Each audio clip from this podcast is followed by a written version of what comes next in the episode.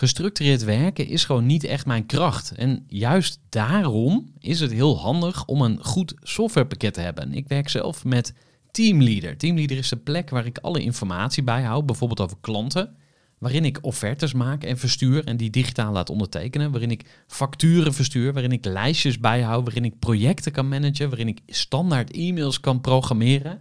Kortom, ik gebruik Teamleader om alle werkprocessen van mijn bedrijf te stroomlijnen. En zeker ook als je met een team werkt, is het heel fijn om over dezelfde informatie te beschikken. Nou, als je ook benieuwd bent of er mogelijkheden zijn om jouw bedrijf meer te stroomlijnen, of je nu alleen werkt of met een team, ga even naar teamleader.nl slash groeivoer en je kunt dan vandaag nog een trial starten voor twee weken lang, gratis. En je kunt Teamleader volledig uitproberen. En na de proefperiode krijg je ook nog zo'n leuke korting als luisteraar van Groeivoer. Ga naar teamleader.nl slash groeivoer. Gooi voor. Gooi voor. Gooi voor. Zoek je inzicht, inspiratie voor je eigen bedrijf. Wil je elke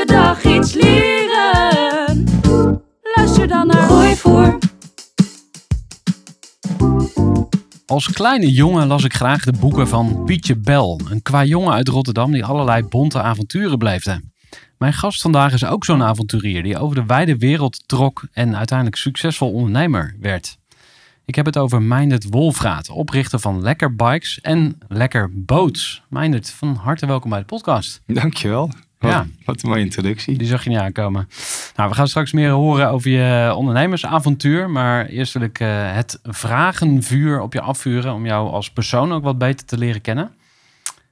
Wie is je vader en wie is je moeder? Peter Wolfraat en Paulien Wolfraat.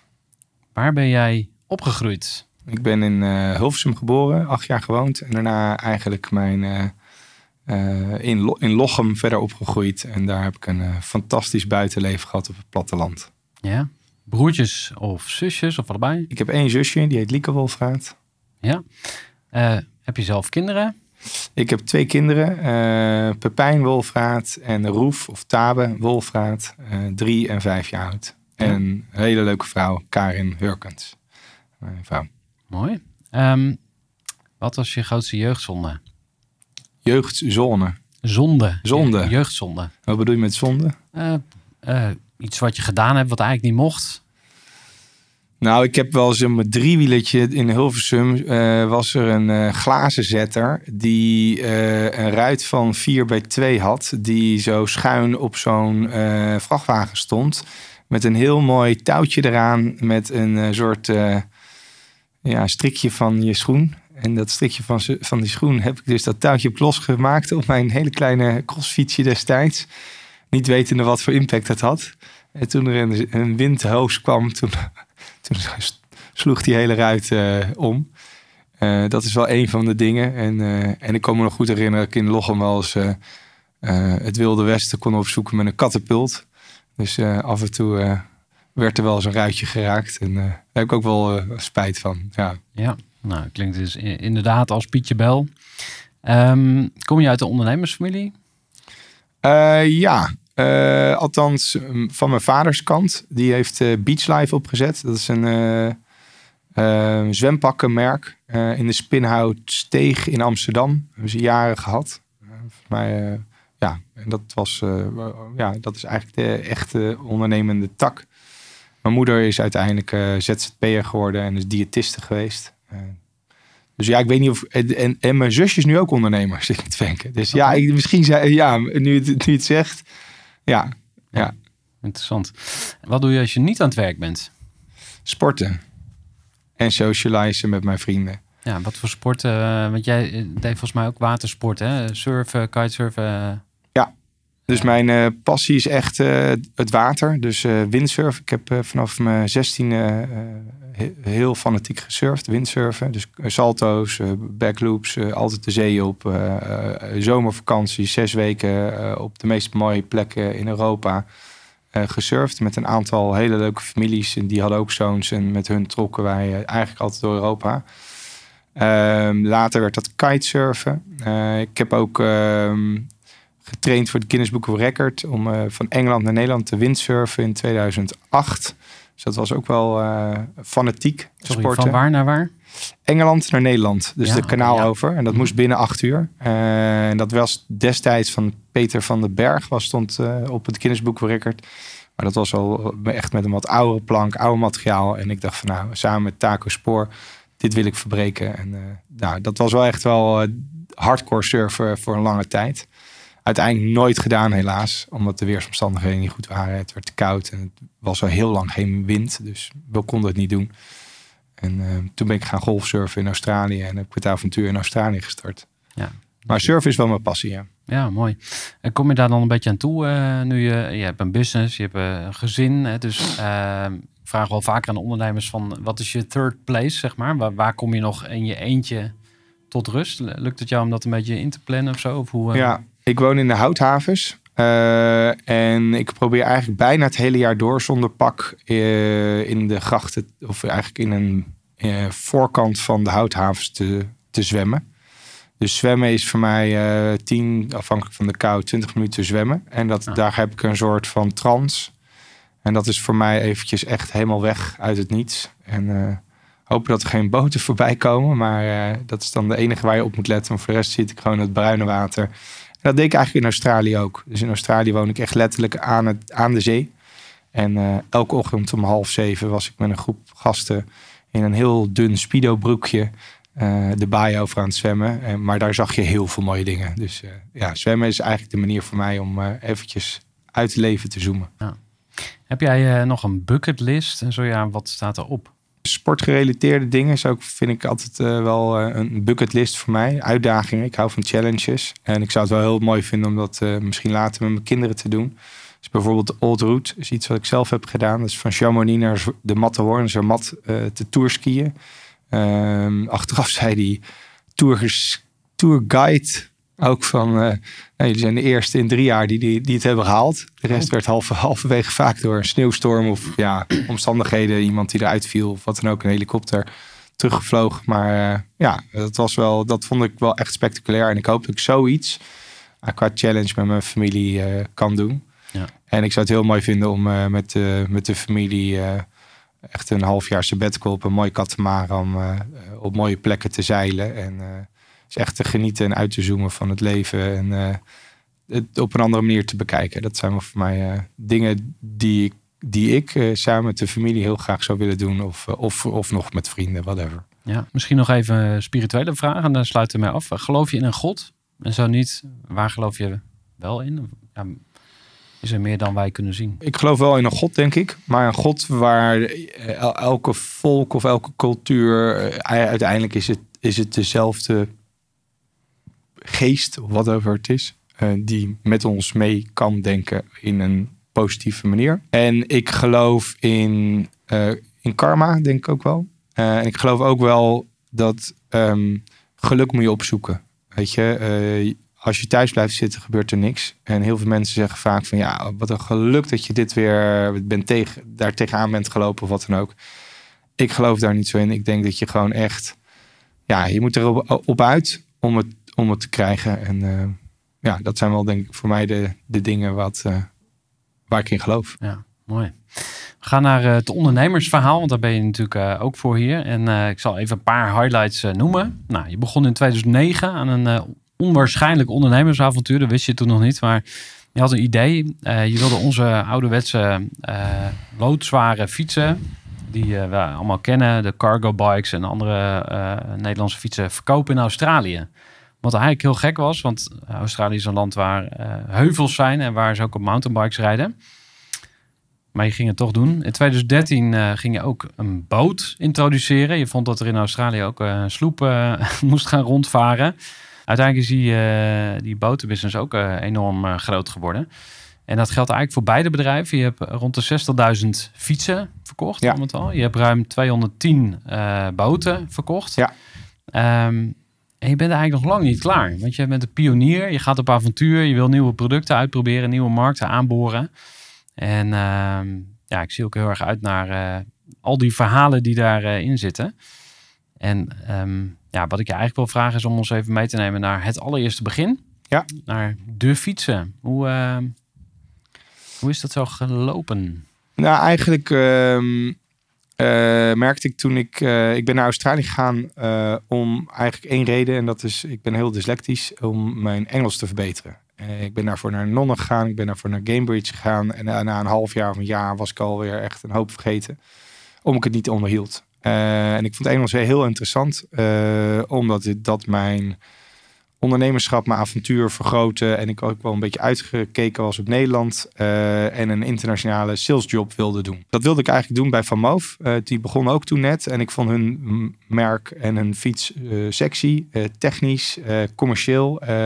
Dus ik ben voor hun begonnen in Nederland om fietsen te verkopen. En elke dag kwam ik met een Vito-busje, die laadde ik in. En, die, en, en reed rond door eh, Nederland. En eh, elke dag eh, kwam ik om zeven uur of negen uur s'avonds terug. En was die, was die doos, was die eh, bus weer leeg. En daar, dat verbaasde zich wel. Dus ik had, dat verkopen, dat vond ik wel hartstikke leuk. En ik vond het product heel interessant. Ehm, en toen ik echt aan de geslag wilde gaan bij ze, toen zei ze ook van ja, Meinert, we kennen elkaar al heel lang uit Lochem. Maar ehm, eh, wij zoeken echt iemand die internationaal eh, kan opereren. En jouw Engels is gewoon niet goed genoeg.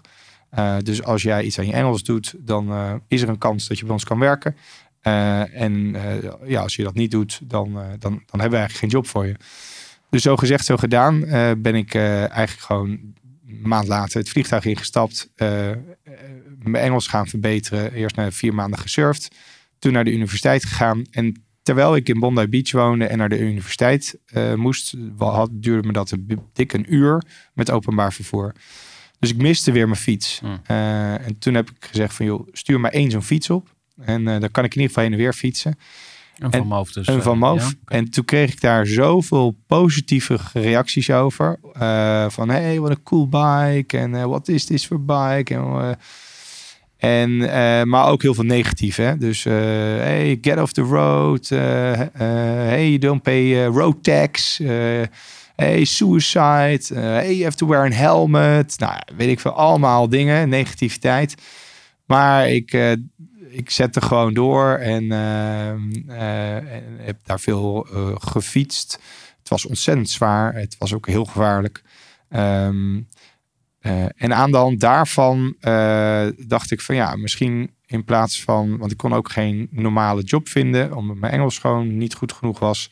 Dacht ik van nou weet je wat, ik ga toch maar gewoon eens proberen om fietsen te verkopen. Dus ik heb eh Ties gebeld en gevraagd van joh, mag ik een paar van die fietsen hebben? Dan verkoop ik ze en dan betaal ik jou de, de rekening terug. Nou, dat vond hij prima. Ze had twintig fietsen in het vliegtuig gestuurd. En een week later had ik ze allemaal in mijn kleine backpackers slaap, eh, wat is het, slaapkamertje. En eh, een maand later eh, belde ik Tisha op en ik zei van ja, ik heb ze alle 19 weer verkocht. Nice. Maar Dus- waren dat elektrische? Want nee, die- allemaal wou echt de meest normale fietsen ja, met terugtaprem, zonder, zonder versnellingen. ja, een heel basisremmetje. Volgens mij waren ze destij- destijds 250 euro. Hm. Maar ja, ik verkocht ze voor 1000 dollar. Dus eh, dat afwas, dat was natuurlijk niet helemaal in, in, in, in verhouding met, eh, met, met die fietsen wat ik verkocht. Ehm, en de manier waarop ik ze verkocht was eigenlijk gewoon door ze op hele prominente gave plekken te zetten midden in de stad. Eh, met een kaartje, een businesskaartje onder het zadel. Bel mij als je geïnteresseerd bent om, die, om meer te weten over deze fiets. En dan nodig ze uit bij me. Als ik aan de telefoon had, dan liet ik ze zien. En konden ze een proefhaartje, proef, proefritje maken op een vlak stuk. Eh, en toen zei ik van ja, er zijn er maar twintig van. Weet je, als je één van die twintig wil hebben, dan. eh, Schaars te creëren. ja. En zo is het Eigenlijk een natural born salesman eh, ben je eigenlijk ook. Als ik je zo Ja, hoor. dat denk of ik had iemand jou dit uitgelegd? Van, Nee, nee. Oké, ja. Ik denk dat het zit in je of het zit niet in je. En er zijn natuurlijk wel autoverkoop praten, om het maar even zo te zeggen. Of gouden gidsen, advertising praatjes die je kan doen. Je kan het heel goed trainen en oefenen. Maar ik denk dat je het ook gewoon daar eh, mee geboren wordt, om het zo maar te zeggen. Ja. In ieder geval, ehm, toen ben ik... eh, toen, zei, toen zei ik die jongens weer gevraagd van jongens, stuur er nog maar twintig. Toen zeiden ze nee, je moet nu een container bestellen. Ah, oké. ja. En zo is het eigenlijk begonnen. Eh, want ja, dat kost een hoop geld. Dus toen heb ik een, ja, geld opgehaald. Eh, container besteld. Eh, en zo begon het balletje te rollen. Toen ik eh, de, de ruim drie maanden dwars door Australië gaan rijden. Heb ik bijna 400 retailers bezocht. Geleefd in mijn backpackersauto achterin met één fiets. Achter op de fietsenrek. En zo'n Ford Falcon, weet je wel. Zo'n zo'n lange apparaat. Een soort Ford Scorpio-achtig station wagon. Ehm, en eh, ja, eigenlijk toen de container aankwam, eh, meer dan de helft van de, van de fietsen konden gelijk uitgezonden worden door heel Australië, van Perth tot, tot Adelaide, Melbourne en Cairns en Brisbane. En, ehm, en daar begon eigenlijk ehm, eh, de uitdaging, want ik dacht voordat ik ze verstuur, wil ik eigenlijk al wel betaald hebben. Ja. Dus toen heb ik al die gasten gebeld en gezegd van joh, je krijgt 5% korting als je nu betaalt. Wat is je creditcard details? Dan stop ik dat in die F-postmachine, zo'n ding. En dan eh, wordt hij morgen op het eh, wordt wordt morgen verstuurd. En dat deed iedereen. Dus, eh, Upfront, dus ik had in één keer ja. eh 80, 90 procent van het geld dat ik al upfront. En dat gaf, dat gaf een enorme boost en een kick. En, maar ja, toen heb ik de ruim, denk ik, twee maanden gewacht totdat de meesten hun fiets überhaupt uitgepakt hadden, in de etalage hadden staan, omdat ze gewoon geen prioriteit hadden aan een stadsfiets. Ja. Ehm, en als ze dat wel hadden, eh, de feedback die ik terugkreeg was eigenlijk van, joh, er zijn zoveel keuzes voor mannen, mountainbikes, racefietsen. En de vrouw, die wil eigenlijk ook gewoon een fiets. En de vrouw vraagt maar eigenlijk om één fiets. En dat is de, de Classic Amsterdam oma fiets. Aha. Dus eh, zou je eraan kunnen komen? Toen zei ik, nou ja, natuurlijk. Toen ben ik eh, naar China gevlogen. Nadat ik op Alibaba allemaal research had gedaan. Waar de Dutch eh, bike factories waren. Aangegeven dat ik het Hilton zat in Shanghai. Eh, ik zat natuurlijk in een backpackers place, plekje. Ook een beetje fake it till you make it. ja, twee ja. minuten lopen er vandaan. Maar ik dronk dan elke ochtend mijn koffietje in het Hilton. En daar kwamen ze met enorme limo's aanrijden. En zat ik soms drie uur in de auto. Helemaal geen idee waar ik heen ging. Met een chauffeur die nul Engels sprak. Eh, dus ja, het was een beetje op, eh, op geluk. En eh, wel, wel spannend, maar heel leuk. En de ene keer kwam ik in een kippenschuur met alleen maar kinderfietsjes. Eh, en de andere keer kwam ik bij degene die de OV-fietsen maakte. Ehm, en zo kwam ik, zo heb ik mijn eerste order neergelegd. Nou, dat was echt de, de bananen drama fietsen. Hè? Dus als je hem over een, over een tramrails heen fietste, dan was het de voorwiel was aan, de- aan de linkerkant van de tramrail rail, en het achterwiel aan de andere kant. Dus een soort circusbike. Nou, daar heb ik dus eigenlijk maar de helft van de fietsen uiteindelijk van kunnen verkopen. Omdat de andere gewoon eh, technisch niet mocht. En wat betaal je dan? Eh, twee tientjes of zo? Of, eh, Voor een fiets? Ja. Nee, toen de tijd denk ik tussen de 70 en de 100 eh, US dollar. En dan moet je ze nog verschepen, dan moet je ze nog verhousen, dan moet je ze door, doorverschepen naar de klant. Dus ja, de kostprijs zijn wel ietsjes meer. Maar dat was al, dit is 2009, 2010. Hè? Dus Mhm. dat was wel ook wel eh 2009, ja. Dus dat is lang geleden. Inmiddels Ja. zijn die prijzen heel anders. Hoe oud was jij toen eh, ongeveer? Ik was eh 28. Ja, eind 20. Oké. Misschien nog heel even voor het verhaal. Want eh, je bent dus begonnen met fietsen van anderen verkopen. Maar dit was ook de transitie naar je eigen eh, eh, business, zeg maar. Merk, ja. Ja, was het ook het idee van hey, dit, dit is de volgende stap? Of was het meer van ah, ik ga even een soort side hustle doen en we zien wel. En hoe is dat dan met Van Moof? Zei je tegen hun van joh, ik ga voor mezelf of zo? Hoe is, hoe is die transitie gegaan? Nee, ehm, zij hadden destijds geen, geen vrouwenfiets. Ja, dus ze konden gewoon niet leveren. Ja. En, ik had, eh, en, en de vraag was naar een traditionele oma-fiets. Dus de twee markten eh, waren eigenlijk comp- comp- ja, complementair. Ja. Ehm, ik heb ook altijd daar niet eh, geheimzinnig over gedaan. Nee. Hoeft ook niet. Ehm, eh, we kennen elkaar al heel lang en Ja. we, gu- we gunnen het elkaar ook. Dus eh, ehm, ja, en eh, uiteindelijk eh, dan na drie, vier jaar ben ik gestopt met Van Moof. Ehm, oh, en, en, eh, en ben ik doorgegaan met mijn eigen merk. En, en, en daar wilde ik gewoon elke euro in investeren, omdat ik daar veel meer waarde voor terugkreeg en veel Ja. meer toekomstperspectief. De naam van het bedrijf is in de kroeg geboren. Klopt. Heb ik. Hoe ging dat? Nou ja, ik werd op een gegeven moment door een van die factories gebeld van joh, eh, er moet een eh, sticker op, hè, vo- voordat die, eh, de, de clear coating eroverheen gespoten wordt. Dus kan je morgen, morgen de naam even Wat, wat doorgeven. sticker, ja, precies. Ik zei, oh jezus, ja. ehm, dus toen ben ik ehm, eh, als een gek al mijn vrienden in Nederland, familieleden, gaan whatsappen, gaan bellen. En ja, er kwamen allemaal hele rare dingen uit eerlijk gezegd. Dus ja, heel bedankt nog voor het meedenken van iedereen. Maar dat, dat schoot niet echt op. En toen dacht ik van, ja, weet je, morgenochtend om negen uur moet ik het hebben. Ik ga de kroeg in. En ik ben toen eh, nou, op kroegtocht gegaan, eh, alleen. Eh, en daar kwam ik op een gegeven moment een meisje tegen, Georgie. En die ging regelmatig naar Nederland. Die had ook familie in Nederland. En zij zei eigenlijk, Meinert, ehm, ik hoor één woord continu terug in het Nederlandse eh, taalgebruik. En dat is gewoon lekker.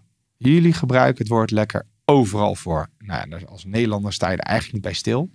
Dus lekker weer, eh, lekker fietsen, lekker eten, eh, mooie vrouw, eh, lekker, lekker, lekker, lekkere chick. Ja. Ja. ehm, dus ja, dat was eigenlijk wel voor mij zoiets van, oh ja, nou ja, in, in Amerika kennen, of in Australië kennen ze het niet. Eh, als je het op de Urban Dictionary opzoekt, is het, betekent het eh, eh, cool, tasty, nice. hè, dus dat waren wel kenmerken waarvan ik dacht van nou, dat past wel bij, bij, wat ik ga, wil gaan doen. Even een korte onderbreking met een belangrijke vraag aan jou. Want wat heb jij geregeld voor het geval je van de ene op de andere dag zou komen uit te vallen? Wat gebeurt er dan met je bedrijf, maar vooral wat gebeurt er met jou persoonlijk en ook in financieel opzicht? Samen met ASR voerde ik drie openhartige gesprekken over tegenslag en veerkracht. En dat deed ik met Saskia, Vincent en Pieter. Ondernemers met een bloeiend bedrijf die van de ene op de andere dag niet meer konden werken. En die verhalen hoor je in aflevering 256, 257 en 258 van deze podcast. Als ondernemer wil je natuurlijk niet uitvallen. En daarom is het belangrijk dat je veerkrachtig bent, want voorkomen is beter dan genezen. En als het dan toch misgaat, is het fijn dat je iets geregeld hebt, zodat je weer snel door kunt met ondernemen. Wil je weten hoe veerkrachtig jij nu bent? Vul dan in twee minuten de veerkrachttest van ASR in. Ga naar asr.nl slash veerkrachttest ondernemers. En hoe kijk je vooruit? Of was je vooral aan het hier en nu eh, van, van zijcontainer naar zijcontainer aan het leven? Of had je een soort eh, visie of een beeld van oké, ik, ik word marktleider in Australië of ik word een wereldspeler. Of, eh, dat, dat internationale zit namelijk heel erg in jouw ondernemersverhaal. Dus Ja. waar komt dat vandaan? Nou, ik weet niet of het. Kijk, uiteindelijk leef je echt. Als je, als je een start-up doet, dan heb je bijna geen tijd om echt na te denken in de eerste jaar, of eerste twee jaar. Dan ben je nog echt bij wijze van spreken de banden aan het plakken en, en, en rond aan het rijden en telefoon het opnemen, factuur aan het betalen. Je neemt het. Iedereen herkent dat waarschijnlijk als ondernemer. Maar ik had wel een, een duidelijk eh, idee en een gevoel ehm, wa- waar ik gewoon ontzettend trots op, op ben en, en, en was. Is dat in 2009 waren Nederlandse fietsen internationaal niet tot nauwelijks bekend. Misschien een paar verdwaalde fietsen in België en Duitsland, maar daar houdt mee op.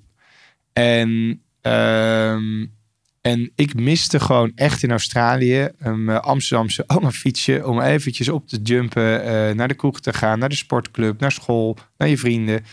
Dat, dat, die cultuur, en dat denk dat meer mensen dat beamen als ze in het buitenland wonen, dat je, dat je, dat je eventjes op je fiets springt ergens heen. Dat is gewoon heel heerlijk. Weet je? Dat je niet alles met een auto hoeft te doen of te lopen. Hè, dat zijn bezig of, of openbaar vervoer eventueel. Maar dat zijn de twee echt grote vervoersmiddelen. Dus ik was trots op het Nederlandse fiets. En uiteindelijk ook miste ik mijn sloep. Hè? Je was wat al in de Sydney Harbor zat ik, eh, was ik ehm, eh, veel aan het varen op, eh, nou ja, eigenlijk vissersboten eh, van die soort van eh center console met drie keer eh, 400 pk erachter. En af en toe wel eens op een jacht uitgenodigd. En uiteindelijk deden we allemaal hetzelfde. En dat was naar een hele mooie plek, natuurplek, geïsoleerde natuurplek varen. Een schitterend wit strand. En daar kwamen alle boten bij elkaar. En dan gingen speakers uit. En dan had je gewoon lekker half op het strand, half in de boot. Zat je gewoon te feesten met allemaal van die inflatables.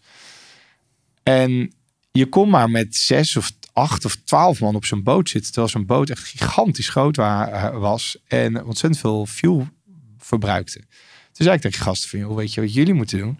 Maar gewoon een, een mooie sloep, weet je wel. Wij in Nederland eh, met Koningsdag of eh, de Gay Parade zitten soms met 10 eh, tot 50 man op zo'n sloep. Eh, niks gaat kapot. Eh, je hebt gigantisch veel bakken plek waar je drank kwijt aan een goede installatie. Alleen moet het wel een beetje aangepast worden aan de Australische omstandigheden. Maar dit is eigenlijk hoe wij onze parties doen hè, in Nederland. Ehm, en onze boten gebruiken. Dus ja, wat ik dus miste, om even terug te komen naar jouw verhaal. Wat ik miste was eigenlijk gewoon de trots van de Nederlandse producten. Met name dan de, de producten die ik miste heel veel. Dus mijn Amsterdamse bootje en mijn oma fiets. En hoe kan ik die internationaal groot maken in de rest van de wereld. Ja. Dus dat was mijn missie. Even nog over die, die fietsen. Eh, want waar staan jullie dan nu? Ik zei al even, ongeveer 60.000 fietsen verkocht. Ehm, nog steeds alleen oma fietsen. Of ook andere modellen. Eh, wie kopen die fietsen? Waar Ja. verkoop je ze? Kun je Ja. iets meer vertellen? Nou, we hebben, ehm, we zijn nu eh, eh, echt nummer één Nederlands fietsenmerk in Australië. eh, op de Urban Transport. Zijn, er, zijn er meer Nederlandse merken dan die Ja, Gezelle is daar, Ja. Union. ehm, nou ja, en dan een aantal grote, ja, ook onder de POM-vlag, maar Duitse merken, elektrische merken. Dus ja, nee, er is wel degelijk concurrentie daarop. Maar ja, wij houden de prijs acceptabel en de kwaliteit hoog. En we zijn B2C, dus we hebben niet, eh, geen retailers er meer Ah. tussen. Dus daardoor kan je gewoon een hele goede fiets aanbieden voor een hele scherpe prijs. We hebben drie zaken. één in Brisbane, eentje in Sydney en eentje in Melbourne. Hm. En ik denk dat we vijf jaar geleden nog eh, bijna 60 eh, retail stores hadden die als reseller onze producten verkochten. Ehm, eh, dus in Australië zijn wij ontzettend bekend. Daar zul je op elke hoek in Melbourne of, of, of in Sydney bij spreken een, een lekker bike zien eh vastgechained. Ehm, dus daar ben ik ontzettend trots op. En al vrij snel, mm, misschien een jaar of vijf, eh, zijn de eerste containers in Singapore gegaan. Ehm, Amerika. Eh, en in 2015, 16 heb ik ook eh, containers naar Nederland gebracht. Eh, omdat daar het seizoen wat lager was in de winter in Amerika, in Australië. En de zomer begon in Europa. Mhm. Eh, en zo heb ik eigenlijk altijd pop-up stores opgezet. Want ik, dan reisde ik eigenlijk beide zomers altijd af. En eh, eigenlijk zijn fietsen, vooral geen elektrische fietsen destijds. Hè, dan praten we over 2009 tot eh, 2007, 16. Eh, hij zijn worden fietsen het meest verkocht in de zomer. En kan je het zien als een ijsje. Hè? Mm. Dus ijsjes verkoop je niet in de winter of een stuk minder. Ehm, dus dat, dat werkte goed. Op dit moment hebben wij eh, alle SQ's eh, naar, naar, naar zo mini, minimaal eh, gemaakt. Dus we hebben eigenlijk twee mannenfietsen, twee vrouwenfietsen, alleen maar elektrische fietsen. Waarbij je een, een basis instapmodel hebt die vrij minimalistisch is. Ehm, en lichtgewicht.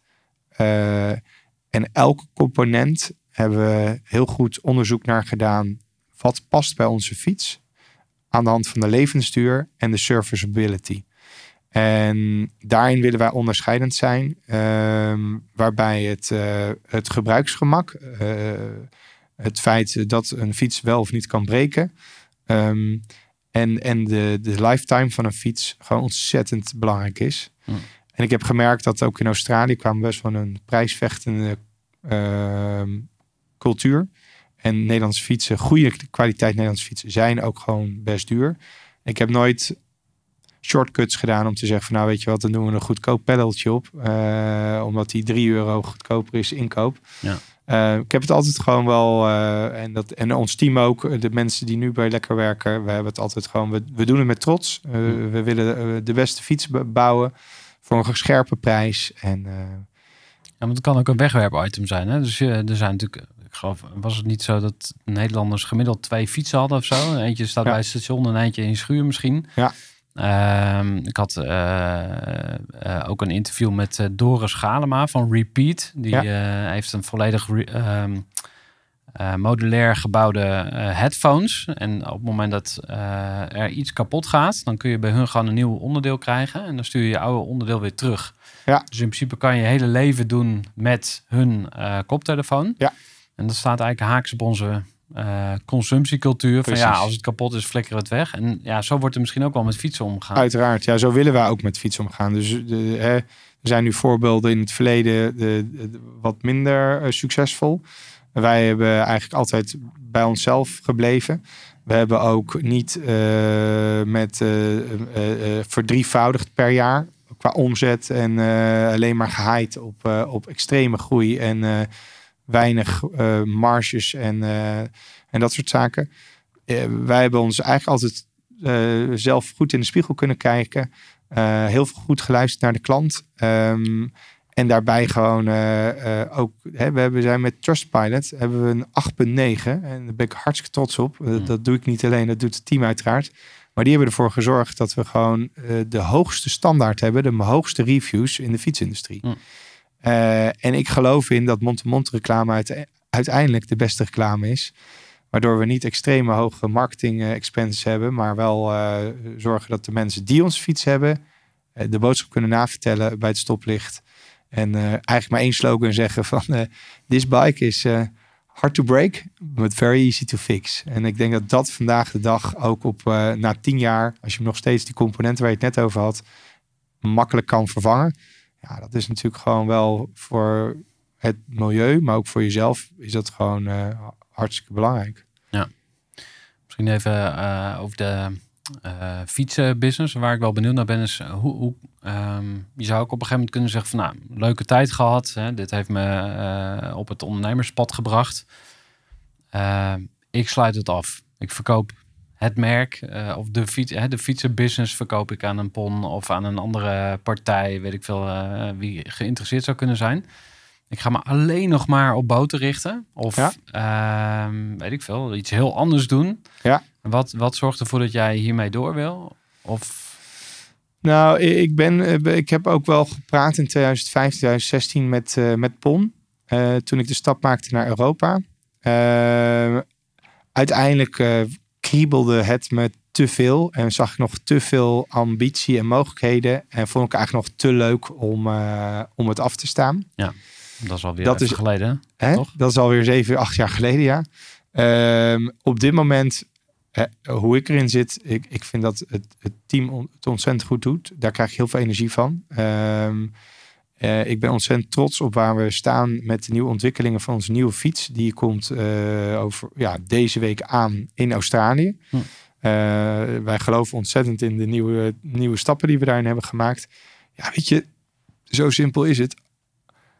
Op het moment dat je het idee hebt dat je eh, nog steeds de competitie of eh, je, je bent, eh, eh, het zit misschien een beetje in mezelf, maar de challenge om misschien niet de allerbeste te zijn, maar wel om te winnen en bij de top 5 of top 3 te blijven, dat vind ik gewoon onwijs leuk. En ik heb mensen om me heen die dat ook zo hebben.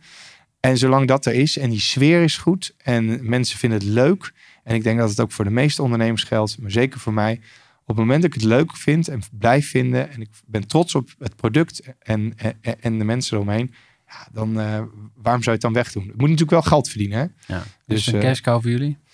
Eh, Ja. Wij maken, eh, als je Amerika nu niet meerekent, want Mhm. Amerika was verliesgevend en daar stoppen we dan ook mee, Mhm. Ehm, eh, dan zijn we winstgevend. Eh, en dat is denk ik vandaag de dag is dat best wel eh, knap, want het is een ontzettende challenge en het is een gekke tijd waar iedereen heel veel fiets heeft besteld, te veel. Mhm. En het een prijsvechten natuur, eh, cultuur is op dit moment. Ehm, maar ja, eh, het ziet er heel goed uit voor de aankomende jaren. Ja, dus eh, stel dat jij niks doet, dan draait het bedrijf gewoon door en dan komt er geld uit of zo. Heb je Ja, zo dus- ingericht? Ja, dus mijn rol nu op dit moment, ik zit in het Raad van Advies, in Mhm. het board. Maandelijks rapporteert het MT naar, mijn, eh, eh, naar ons advisory board. Dus Elke er zitten, ja. ja, er zitten een aantal hele interessante eh, personen bij, zodat ik niet de last allemaal in mijn eentje hoef te dragen. En ik heb ook niet overal kennis van, dus dat, daar laat ik vaak over, of graag over aan andere mensen. Ehm, ja, en dat is een hele fijne rol om er daarin te zitten. En de business vraagt mij af en toe van, joh, kan je met me meedenken over de ontwikkelingen, de stappen eh, van de fiets? Of eh, gaan we deze markt doen? Hoe kunnen we deze markt doen?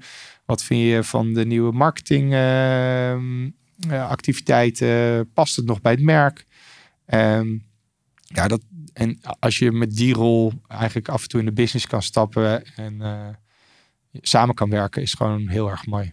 Beetje persoonlijke vraag, maar hoe, hoe doe jij het privé? Zeg maar? Haal je ook geld? Want dat is een van mijn lessen geweest eh, in het ondernemerschap. Ik ben nu 15 jaar ondernemer. Hoeveel? 15? 15, dus Ja, ik, mooi. eh, 2008 begonnen ik. Ik deed altijd al mijn geld terug in mijn bedrijf. En daar gaf ik het uit aan allerlei belachelijke projecten die, eh, die ik verzon. Ik heb ook goede dingen gedaan, maar ook hele domme dingen. En op een gegeven moment zei iemand, Gerard, waarom zorg je niet beter voor jezelf? Zorg nou dat je wat geld naar privé haalt. En dat je gewoon daar rust hebt en een solide basis hebt. En ook als het met het bedrijf niet goed gaat, dat jij daar thuis niet de stress van hebt. Nou, jij komt eh, ook uit een ondernemersgezin. Dus misschien dat je vanuit die kant al wel eens wat het advies hebt gehad over hoe je zulke dingen aanpakt. Weet ik niet. Maar ehm, wil je daar misschien iets over zeggen? Nou, eerlijk gezegd eh, kan ik beter voor mezelf zorgen daarin. En eh, heb ik er eh, geen geld uitgehaald. Dus eh, eh, it's voor mij everything or nothing. ja, En dat maakt mij ook wel de drive om er gewoon volle bak altijd voor te gaan. Eh, ook de stress die je af en toe kan hebben. Maar zeker ook om, om, om, ehm, ja, om het succesvol te maken. En gelukkig is mijn vrouw, zit er hetzelfde in. Dat als wij niks meer hebben. En ik ga er niet vanuit dat we niks meer hebben. Maar als we niks meer hebben. Dan blijven we gewoon gelukkig. En ik denk dat met dat in de achterhoofd. Ook het feit hoe ik ben begonnen de eerste drie jaar. Echt met nul geld. Hè, Ja. Om een business op te, te, te, te, te, te bouwen. Ehm, je, je heeft mij nooit eh, ehm, een ander mens gemaakt. Of minder gelukkig. En ik denk dat... Ik weet bijna wel zeker dat met name met Delftse maten mij echt niet anders gaan zien als ik, eh, als ik, eh, als ik een misstap heb gemaakt of we een misstap hebben gemaakt. Inmiddels is het bedrijf zo groot dat ik het allemaal niet zelf voor te zeggen heb. Maar ehm, eh, dat, dat ze me dan geen vrienden, dat ik geen vriend meer ben van ze of wat dan ook. Ja. Dus ehm, nee, ik ben er eigenlijk niet zo bang voor. Het zou mooi zijn als er een, in, misschien in de toekomst, over drie jaar, dat we eh, echt wel ehm, het geld wat we nu verdienen, eh, een stukje uit kunnen keren aan, eh, aan, aan mede-eigenaren en, en aan mezelf. nice. Ehm hoogst tijd om naar de botenbusiness te gaan. Want dat is eigenlijk misschien nog wel meer in het oog springend in die zin. Hè? Ook qua design, dat zijn natuurlijk hele vette boten. Tenminste, ja, ik eh, word altijd wel geprikkeld als ik zoiets zie. Dan wordt meteen de, de hebzucht weer eh, ook eh, aange, aangewakkerd. Maar wat voor boten hebben jullie? Volgens mij drie typen. Misschien ook wel custom opties en zo. Maar wil je schetsen hoe, ehm, eh, ja, hoe het bedrijf eruit ziet? Lekker bootje is ontstaan uit het idee om de Nederlandse sloep naar Australië te brengen.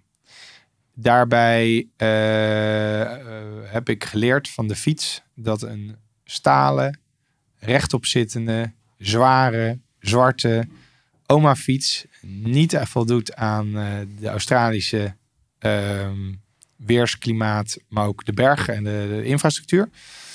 Dus eh, die fietsjes hebben we helemaal, heb ik helemaal weer herdesigned. Eh, lichtgewicht, aluminium, niet roestend, mooie pastelkleuren en andere geometrie, zodat je eigenlijk de bult op vliegt, bij wijze van spreken. Ehm, dat heb ik eigenlijk ook met de boot gedaan. Dus hoe kan je nou het concept van de Nederlandse sloep, wat een en al gezelligheid is als je daar met 10 of 50 man in zit, zo maken dat het ook een succesvol wordt in Australië. En dat betekent dat de boot hard moet kunnen varen. De afstanden zijn giga. Je bent niet in een rondje grachtengordel aan het varen. Zij moet, eh, weet ik veel, 70, 80 km per uur gaan. Eh, Er moeten minimaal eh, 16 eh, man op kunnen. eh, CE gekeurd, dus eh, zeewaardig. Hij eh, mag tegen een stootje kunnen. Dus je wil niet eh, na één feestje gelijk je lak weer eh, opnieuw moeten spuiten. Dus een goede rubberen rand eromheen.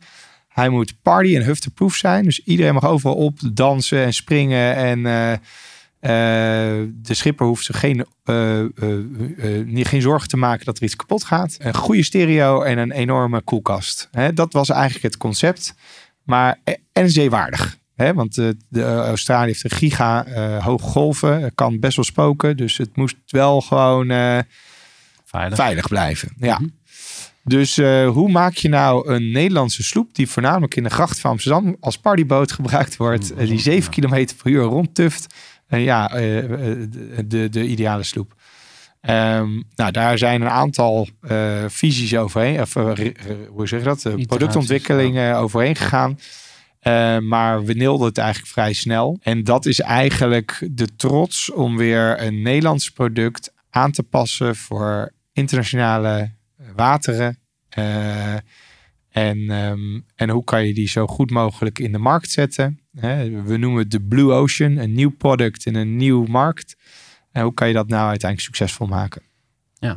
En dat is, eh, dat is eigenlijk wat ik twee keer heb gedaan. Hè? Want niemand kende een Amsterdamse oma-fiets in Australië. Eh, er waren ook geen fietspaden destijds.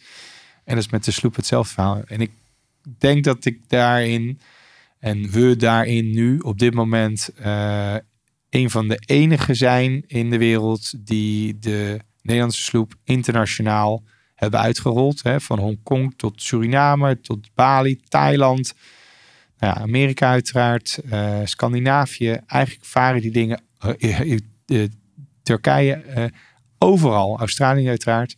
En, en dat is gewoon geweldig. Zolang er een goed servicepunt is waar de, waar de motoren gerepareerd konden, kunnen Ja. worden en geserviced kunnen worden, stuurden wij een boot. Ja, Zonder die check deden we het nooit. Ja. Ja. En dat is dus de Damsco. Dat is de lekker Damsco. Damsco is de nickname voor Amsterdam. Precies, ja, inderdaad. En, en daar zijn dus twee van. Ik heb hier in mijn notities staan de 750 en de 1000. Of de Ja. 1000.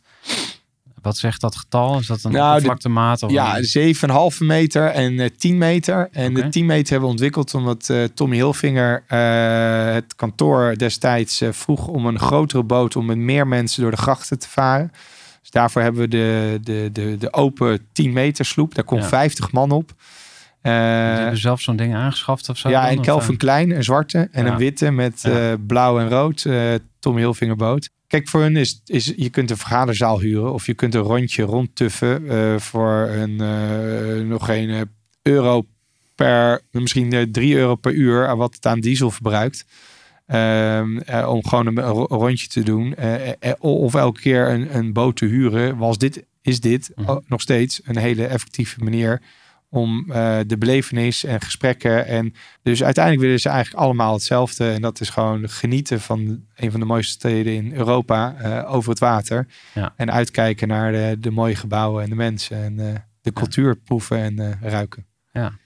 En dan hebben we nog de Lekker 44, of de 44. Ik heb geen idee. Ja. eh, die spreken waarschijnlijk vooral eh, Engels. Ja. Ehm, wat is dat dan weer? Voor een boot? Voor de mensen die Ja. ook niet thuis in een boot natuurlijk, hè? Die hebben we eh, twee jaar geleden ontwikkeld. Eh, de Lekker 44 is een boot die, die ik heb. ik ben geïnspireerd door de KNRM-boot. De nieuwe KNRM-boot. Die een rechte boeg heeft. Dus de rechte voorkant. En waarbij een TU Delft professor zelfs een belboeg heeft gemaakt. Dat betekent dat die voorkant ietsjes dieper het water ingaat. Waardoor je eh, met extreme wind, extreme golven, boten en mensen kan redden eh, in de Noordzee.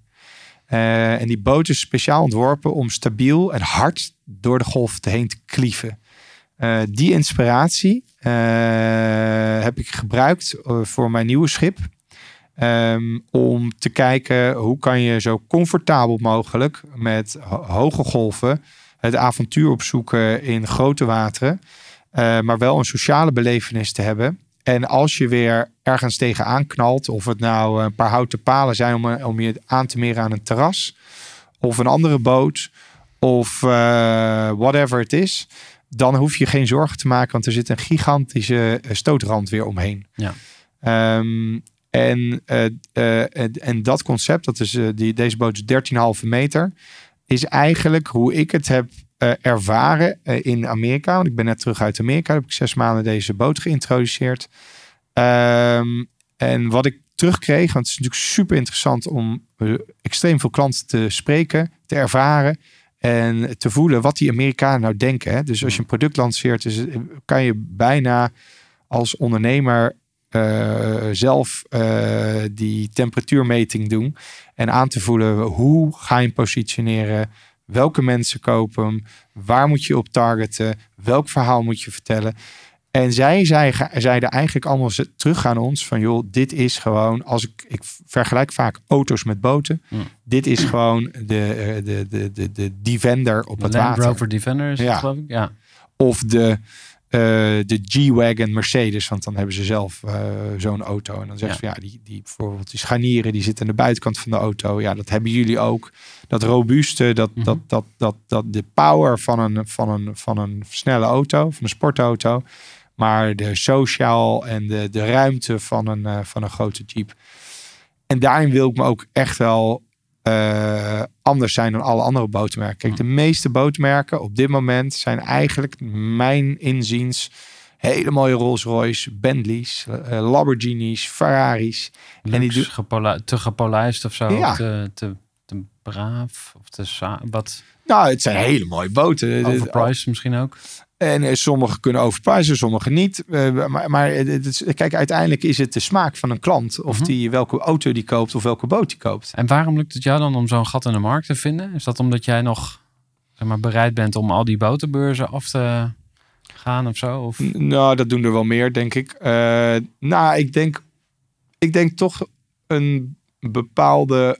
Kijk, niemand, niemand heeft het voor elkaar. Weinig mensen. Ik denk dat ik een van de enige ben. Ik wil niet opscheppen, maar heeft het voor elkaar gekregen om eh, de sloep zo ver internationaal eh, rond te krijgen.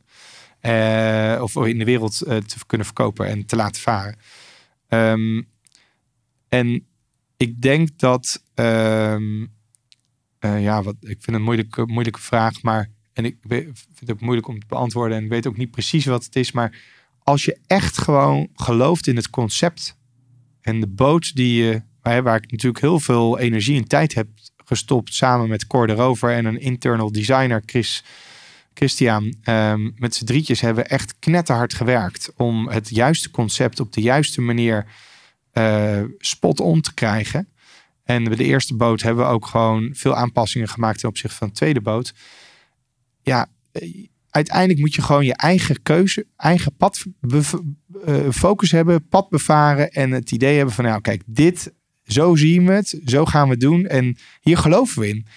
En dan moet je ook gewoon een schoenmaker blijven bij je lees. Dan moet je hem die ook gewoon inzetten. En dan moet je ook vol overgave en doorzetten. eh, en mensen overtuigen dat dit gewoon een boot is die bij dit soort mensen passen. Hè? Kijk, de mensen die een Ferrari kopen, die zijn niet op zoek naar een Defender.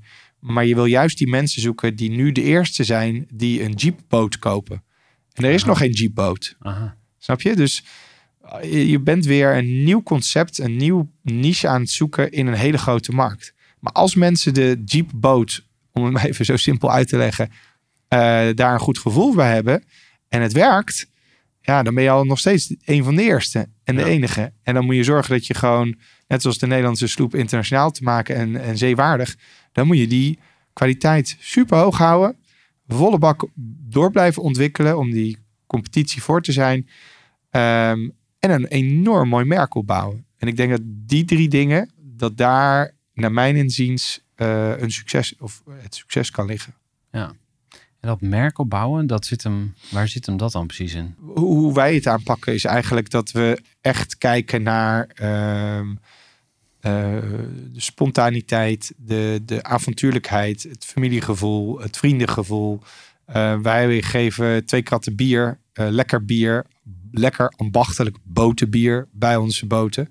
In plaats van eh, een doos champagne eh, van, van, een, van, van 1000 euro, ik zeg maar wat. Dus we proberen het. We hebben ook in elke boot hebben we twee eh, geïntegreerde bieropeners zitten. Weet je, eh, we hebben ook prullenbakken op een boot van eh, een hoop geld. eh, waar heel Ja. veel boten niet eens een prullenbak hebben. Nou, Ja. super onpraktisch. En je bent toch een hoop aan het consumeren vaak. Dus dat soort dingen. We zijn niet. we vinden het niet raar om anders te zijn dan anderen. Dus wij zeggen gewoon: een boot hoort functioneel te zijn en social. En dat zijn voor ons de allerbelangrijkste eigenschappen. Dus we, we designen niet een boot om alleen maar cool, mooi of vette gadgets te hebben. Ja. Helemaal met een boot ook met een fiets overigens. Nou, daar hoef ik geen voorbeeld van te noemen. Maar hoe meer gadgets je erop doet, hoe meer er kapot gaat, Ja. hoe meer geëikel je hebt om het allemaal te repareren. En hoe minder goede reputatie je krijgt van je klanten. Ja. En het kost gewoon super veel geld. Dus met de fiets als met de boten blijven we gewoon eigenlijk onze basis. Het is eh, hard to break en easy to fix. Weet je? Ja. Het moet functie. Elk, elk dingetje wat bij ons door de designafdeling gaat, zeggen we gelijk: oké, welke functie heeft het? Moet het erop of moet het er niet op? Onze, onze prijslijst is ook heel minimalistisch. Hmm. Weet je wel? Eh, eigenlijk zit alles erop. En als iemand echt iets heel raars wil, dan zegt van nou, een, eh, een televisie buiten, ik zeg maar wat. Dan zeg van nou, meneer, die moet u zelf maar even op, eh, opzetten. Want wij geloven niet dat een televisie buiten langer dan, dan vijf jaar eh, overleeft met alles met, met 50 knopen door het water te stuiteren. Ehm, en, en, en al het zoute water, dat, ja, dat, dat, dat werkt, daar geloven we niet in. Je hebt ook pre-owned. Ehm, hoe werkt dat dan? Iemand eh, geeft zijn boot terug of zo. Je koopt hem terug en dan verkoopt hem weer door. Gerefurbished of zo. Of, Nou, wij, eh, wij vinden het ontzettend belangrijk om de, de, de waarde van ons merk, eh, de waarde van het product, maar ook de, de, de prijs eh, acceptabel te houden voor mensen die bij ons een boot kopen. Dat ze ook gewoon voor een goede prijs de boot terugkopen. Ehm, dus helemaal, al- wij doen alle service en winterstalling voor Nederlandse klanten. Dus wij halen alle bo- boten op in oktober, november. En we brengen ze allemaal weer naar de mensen terug met gevulde koelkasten, ge- verschoonde, eh, weet ik veel, eh, kussens, sets, eh, afgetankt, accu's geladen de hele winter door. Dus zodra je het lekker paspoort hebt, Mhm. je hebt hem vaak bij ons eigenlijk altijd in de winterstand gehad en gesurfaced, krijg je gewoon een super goede prijs voor je boot. Want wij weten dat we altijd goed voor deze boot hebben gezorgd. Eh, en dat we hem ook voor een eh, ja, redelijke garantie eh, weer door kunnen verkopen aan een klant. Ja. Dus voor ons is het super belangrijk dat wij de boot terugkopen als een lekker booteigenaar er vanaf wil. Of het ons aanbiedt. En dan zijn er twee mogelijkheden. Of we kopen hem terug. Of we gaan hem voor hem advertisen. En dan krijgen we een percentage ervan. we hadden in het vorige gesprek, of we spraken elkaar net even bij, bij, de, bij de koffieautomaten. Ehm, eh, toen noemde jij een bedrag. Dat ik dacht van ja, maar ja, als je een keer gewoon een exit gemaakt hebt of zo. Of eh, je hebt eh, twee jaar gewoon eh, of drie jaar goed gespaard. Dan, dan is het affordable. Dus het is niet zo dat, dat het instaptarief zeg maar is niet miljoenen. Nee. Hè, dus, dus aan de ene kant is het veel geld. Aan de andere Ja. kant, als je gewoon een keer goed geboerd hebt. En je denkt van ja, nu wil ik eindelijk toch eens een keer die jongensdroom verwezenlijken. Dan Ja. is het haalbaar. Wat ik nog even wilde zeggen is. De mensen die onze boot kopen. Jij begon met een soort sprookje. Als aftrap. Hoe- Welk sprookje was dat? Eh Pietje Bel. Ja. De boot is eigenlijk de chameleon. Aha. Dus de mannen die onze boot, of- vrouwen die onze boot kopen, zijn toch een beetje de rebel, rebelse ondernemers. Hè? 90% zijn allemaal ondernemer die onze boot kopen. En die toch eh, het leuk vinden om eventjes plankgas door de kleine slootjes te gaan met een eh, politie op een fiets achter zich aan. Wij spreken. Dat is Ja. Eh, vooral in Aalsmeer, waar wij zitten in Leimuiden, dus vlakbij.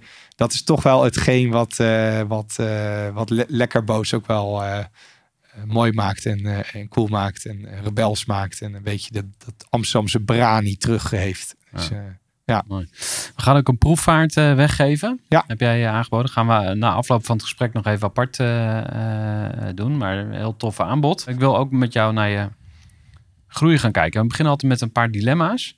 Geld verdienen is slecht of geld verdienen is goed. goed.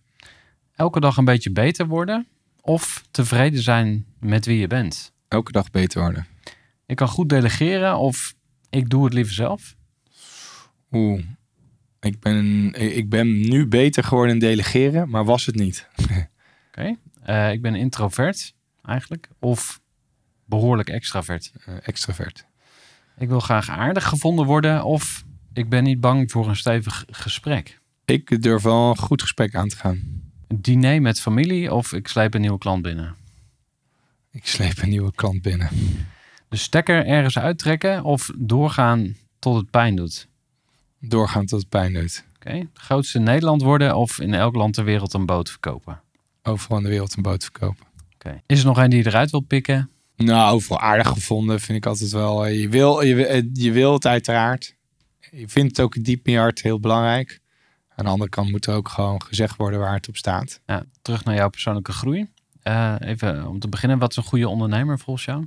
Iemand die durft fouten te maken, nog niet weet waar die precies gaat eindigen. Uh, en knetter doorwerken en uh, doorzetten. Ik bedoel, dat is denk ik voor mij het su succesfactor. En ik denk dat het, dat, hè, wat ik hiervoor ook zei, geluk komt niet aanwaaien. Dus dat moet je echt gewoon opzoeken. dus eruit en ja, daarop uitgaan en het, uh, en het gewoon.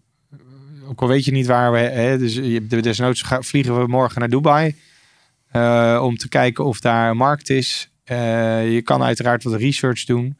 Maar ik, ik, ben een type die streetwise mijn kennis behaalt. En dat ook opzoekt. En dat is voor mij een belangrijke manier om kennis te vergaren. En te kijken waar waar en hoe je de producten in de nieuwe markt opzet. Ja. Vind je jezelf een goede ondernemer? Nou, en nu, mm, ik denk dat ik nog steeds een goede ondernemer ben, maar ik, uh, mijn rol is wel anders. Hè? Dus ik ben uh, minder ondernemer. Ik ben ook geen eh, CEO-type. Ehm, dus ik zit meer op het Board of Advisory. wat ik ontzettend leuk vind. wat een nieuwe dynamiek met zich meebrengt waar ik ontzettend veel van mijn andere board of advisories van leer. Fantastische groep gasten. Ehm, en ik ben nu ook een training, een cursus aan het doen met een coach om uh, bij het Erasmus Universiteit, uh, nou ja, een, eh, een soort van, uh, ja, hoe kan je een goede raad van advies of ja. commissaris worden? En dat doe ik dan met één op één met een een bekende coach. Misschien nog even over jouw persoonlijke groei. Waar ben je, als je, dat is misschien een moeilijke vraag, maar als je helemaal terug gaat in de tijd, dag één, je eerste eigen ondernemersavontuur tot en met nu, waar ben je het meest in gegroeid?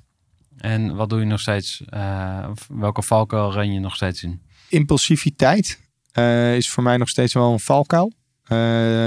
waarin ik soms, als ik het idee heb dat dingen urgent zijn, en soms is dat het geval. Dan kan ik het niet laten om even een nachtje erover te slapen. Of het eerst even met mijn raad van advies even door te nemen. dan kan ik wel eens gewoon in één keer het eventjes doormailen of zeggen of wat dan ook. Je bent ontslagen, je bent aangenomen. Je, nee, dat is allemaal een nieuwe boot maken. Nee, dat niet. Maar gewoon, ja, als een, een belangrijke klant echt iets vraagt en iets wil, en dat vragen ze aan mij. Dan, ja. dan, dan zeg ik al vrij snel het, het antwoord op die vraag. Terwijl ik eigenlijk uit die operatie ben. Ja. Dus dat, het impulsiviteit. Wat natuurlijk ook wel weer een heel goed punt is. Hè? Want daardoor heb je gewoon wel heel snel bepaalde stappen kunnen en mogen maken. Dat is denk ik wel een van de leerdingen. Twee is de manier van communiceren. Vind ik gewoon echt een challenge. Dus op een ander niveau. weet je, je kan niet meer vertellen aan je werknemers hoe ze het moeten doen. Dat, accepteren ze niet, willen ze ook niet. Dus de vraagstelling om te zorgen dat zij geïnspireerd worden om uh, de dingen te doen wat het beste is voor het bedrijf. Dat vind ik gewoon een waanzinnig mooie challenge en vind ik heel leuk om te doen. Um, en waar ik goed in ben, is ja, denk ik toch nog steeds uh, kansen zien en aangrijpen om te zorgen dat we de salesmachine, als wel de marketingmachine, als wel de productontwikkeling uh, zo scherp mogelijk in de markt kunnen zetten. Uh, en zo scherp mogelijk kunnen houden om, om het bedrijf naar het volgende niveau, of het product naar het volgende niveau, of, het merk naar het volgende niveau te krijgen. En dat vind ik gewoon waanzinnig leuk. Met voorlopig nog lang niet uitgespeeld met dit mooie bedrijf. Ik denk dat het goed is om naar de afsluiting te gaan. Ja. dat doe ik eigenlijk altijd door een ondernemer te vragen naar zijn of haar beste les. Het mogen er ook twee zijn, maar het liefst één. Is er een idee waarvan je zegt van... hé, hey, als ik dat uh, tussen de oren kan krijgen... bij alle ondernemers in Nederland of, of daarbuiten...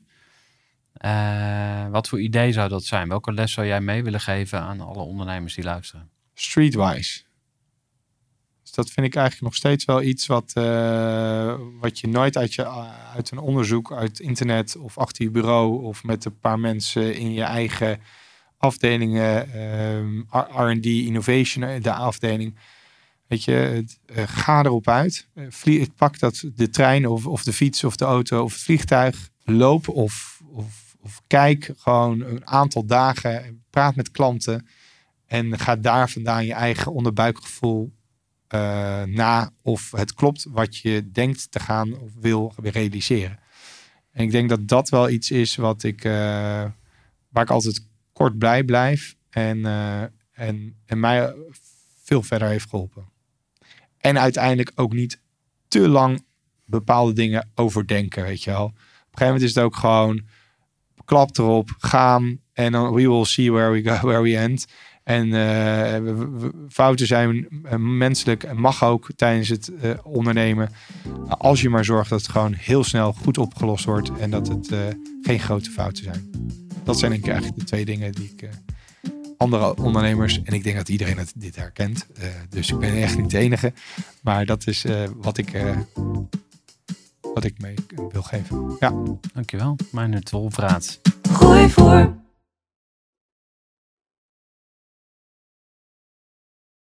Gestructureerd werken is gewoon niet echt mijn kracht. En juist daarom is het heel handig om een goed softwarepakket te hebben. Ik werk zelf met Teamleader. Teamleader is de plek waar ik alle informatie bijhoud, bijvoorbeeld over klanten. Waarin ik offertes maak en verstuur en die digitaal laat ondertekenen. Waarin ik facturen verstuur, waarin ik lijstjes bijhoud, waarin ik projecten kan managen, waarin ik standaard e-mails kan programmeren.